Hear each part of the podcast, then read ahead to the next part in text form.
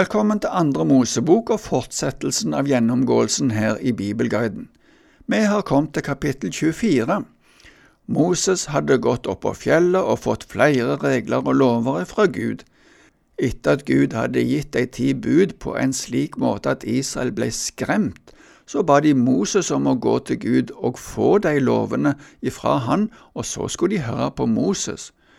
De siste to gangene har vi sett på regler og praktiske anvendelser av buda som Gud ga Moses. Nå skal Moses ned og fortelle dette til folket i leiren, og så får Moses beskjed om å komme opp igjen. Denne gangen i sammen med en del av de eldste i Israel, men før vi ser mer om det, så skal vi lese teksten i Bibelen, vi er som sagt i kapittel 24 og leser nå ifra vers 1 til 11. Gud sa til Moses, Kom opp til Herren, du og Aron, Nadab og Abihu og 70 av Israels eldste. Mens dere ennå er langt borte, skal dere kaste dere ned og tilbe. Bare Moses skal nærme seg Herren, de andre må ikke komme nær, og folket skal ikke gå opp sammen med ham.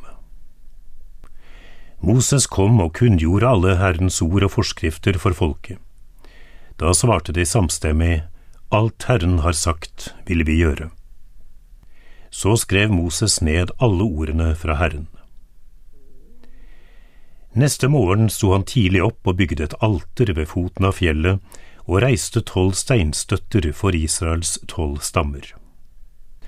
Han sendte ut noen unge israelitter til å bære fram brennoffer og slakte okser som fredsoffer for Herren. Moses tok halvparten av blodet og helte det i skåler, den andre halvparten stenket han på alteret. Så tok han paktsboken og leste den høyt for folket, og de sa, Alt Herren har sagt vil vi gjøre og adlyde.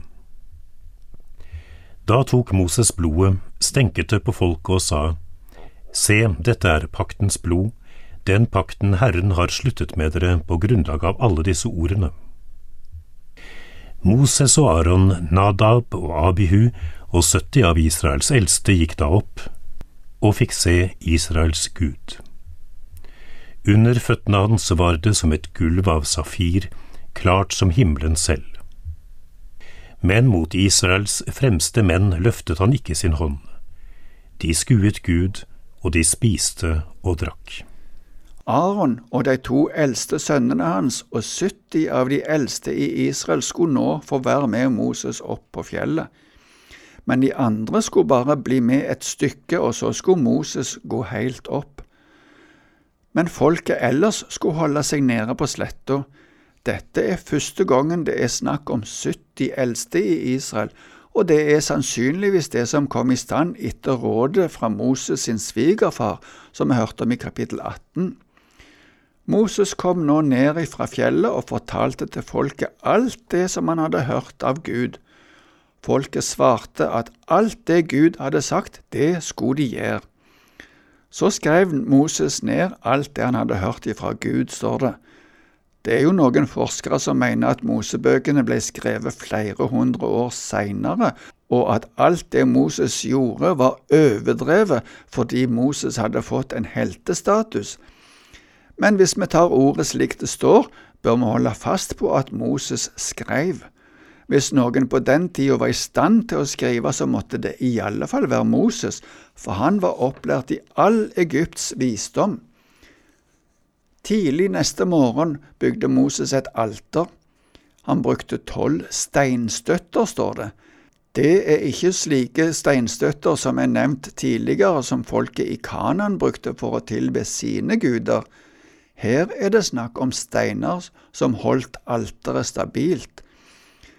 Det blei brukt tolv slike, for det skulle gjelde hele Israel. Brennofferet var et offer som ble fullstendig oppbrent, og fredsofferet var innledning til et stort festmåltid foran Herren. Vi kan lese om forskjellige typer offer i Tredje Mosebok, men vi skal ikke gå mer inn på det her. Det som skjer videre, kan nok virke underlig og kanskje grotesk for oss, men dette er sjølve inngåelsen av pakten med Gud. I første Mosebok kapittel 15 inngår Gud en pakt med Abraham. Der blir dyra delt i to, og delene lagt et stykke ifra hverandre, og i normale paktsinngåelser så foregikk det slik at de to partene skulle da gå imellom disse dyra og avtale at den som brøyt pakten, skulle oppleve det samme som hadde skjedd med dyra. I pakten med Abraham var det riktignok bare Gud som gikk imellom dyra. I dette tilfellet var det blodet fra dyret som ble delt i to porsjoner, den ene delen ble smurt på alteret, som om det var Guds del, og den andre ble stenka eller spruta ut over folket, som for å vise at de hadde òg et ansvar for å holde denne pakten. Etterpå fikk folket spise noe av kjøttet som var paktsmåltidet. Paktsboken, som nok var det Moses nettopp hadde skrevet, der sikkert de ti bud utgjorde starten, og videre de andre forskriftene som Moses hadde fått ifra Gud på fjellet. Denne boka ble lest opp for folket som ble forplikta på disse ordene. Her kan vi si at pakten, eller avtalen, underskrives av begge parter. Det begynte med at Gud fortalte folket i kapittel 19 at Israel skulle bli Guds spesielle eiendomsfolk, og at han ville inngå en pakt med dem. Så hørte hele folket hovedavtalen direkte lest opp av Gud ifra fjellet, da de hørte de ti bud uttalt. Det var en skremmende opplevelse, og de ba Moses om å være deres representant. Han skulle så få resten av budet av Gud og kunngjøre det for deg, og de lovte at de ville høre på det. Gjennom den handlingen som en nettopp har sett, så ble altså avtalen bindende. Etter at pakten var inngått, gikk Moses og Aron, de to eldste sønnene til Aron, og 70 eldste opp på fjellet, slik som Gud hadde sagt. De kom et stykke, og der står det at de fikk se Gud, men det står ikke mye som beskriver hva de så. Det nevnes hånd og fot, som gir inntrykk av at det var noe som kunne minne om et menneske. Ellers står det under føttene hans var det som et gulv av safir, som er en edelsten, og at det var klart som himmelen sjøl. Det var tydeligvis noe som gjorde inntrykk, og enda mer at de kunne være der i Guds nærhet uten å dø. De bekrefta likevel at de skua eller så Gud. Det siste vi leste, var at de åt og drakk. Noen mener at det er en forløper for nattverdsmåltidet som Jesus innstifta. Moses gikk videre opp på Sinai-fjellet, og det leser vi om i fortsettelsen fra vers 12 til 18.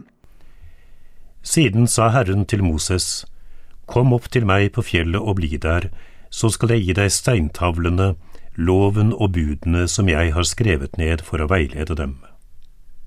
Da dro Moses av sted sammen med Josva, tjeneren sin, og Moses gikk opp på Guds fjell. Til de eldste sa han, Vent her på oss til vi kommer tilbake. Dere har Aron og Hur hos dere. Er det noen som har en sak, kan han gå til dem. Så gikk Moses opp på fjellet, og skyen dekket fjellet. Herrens herlighet hvilte over Sinai-fjellet, og skyen dekket det i seks dager. Den sjuende dagen ropte Herren på Moses fra skyen. Israelittene så Herrens herlighet som en fortærende ild på fjelltoppen. Så gikk Moses inn i skyene opp på fjellet, og Moses ble på fjellet i 40 dager og 40 netter. Det var bare Moses som kunne komme nær Gud men heller ikke han gikk uten at Gud sa at han skulle komme. Gud ville gi han steintavlene. Det er første gangen de nevnes. Det var Gud som hadde skrevet ned loven og buda. Disse tavlene blir ofte framstilt som at på den første tavla så står det oppført det som gjelder forholdet til Gud, og på den andre det som gjelder forholdet til medmenneskene men det er andre som mener at begge tavlene var like og inneholdt alt, for i kulturen i Østen var det vanlig å utgi alle dokumenter i to eksemplarer.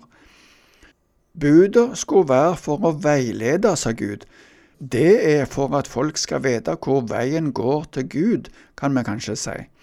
Det er slik Gud vil vi skal leve som Hans folk. Josva ble første gangen nevnt i forbindelse med slaget mot amalekittene i kapittel 17.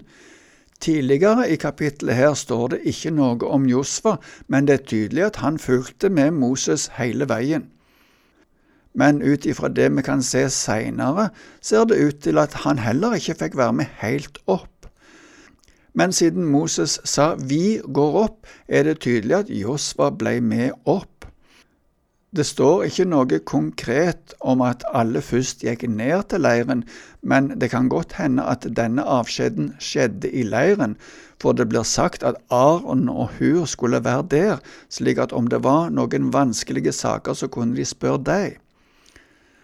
På fjellet fikk Moses oppleve Guds herlighet i ei sky, men han venta i seks dager. På den sjuende ropte Gud til Moses, om den sjuende dagen òg var en sabbatsdag, det er ikke sikkert, men det kan godt hende. Da gikk Moses inn i skya. Imens så israelsfolket i leiren at det var ild på toppen av fjellet. De opplevde det som Herrens herlighet. Men det var skremmende for folket, og etter hvert skal vi se at de lurte på hvordan det hadde gått med Moses, som hadde gått inn i det mørket og i den ilden. Moses ble der i 40 dager og 40 netter, står det. I mange kapitler framover skal vi se på det som Gud ga Moses beskjed om i løpet av denne tida. Det skal vi se litt på etter hvert, men nå må vi slutte for denne gang. Takk for i dag, og Herren være med deg.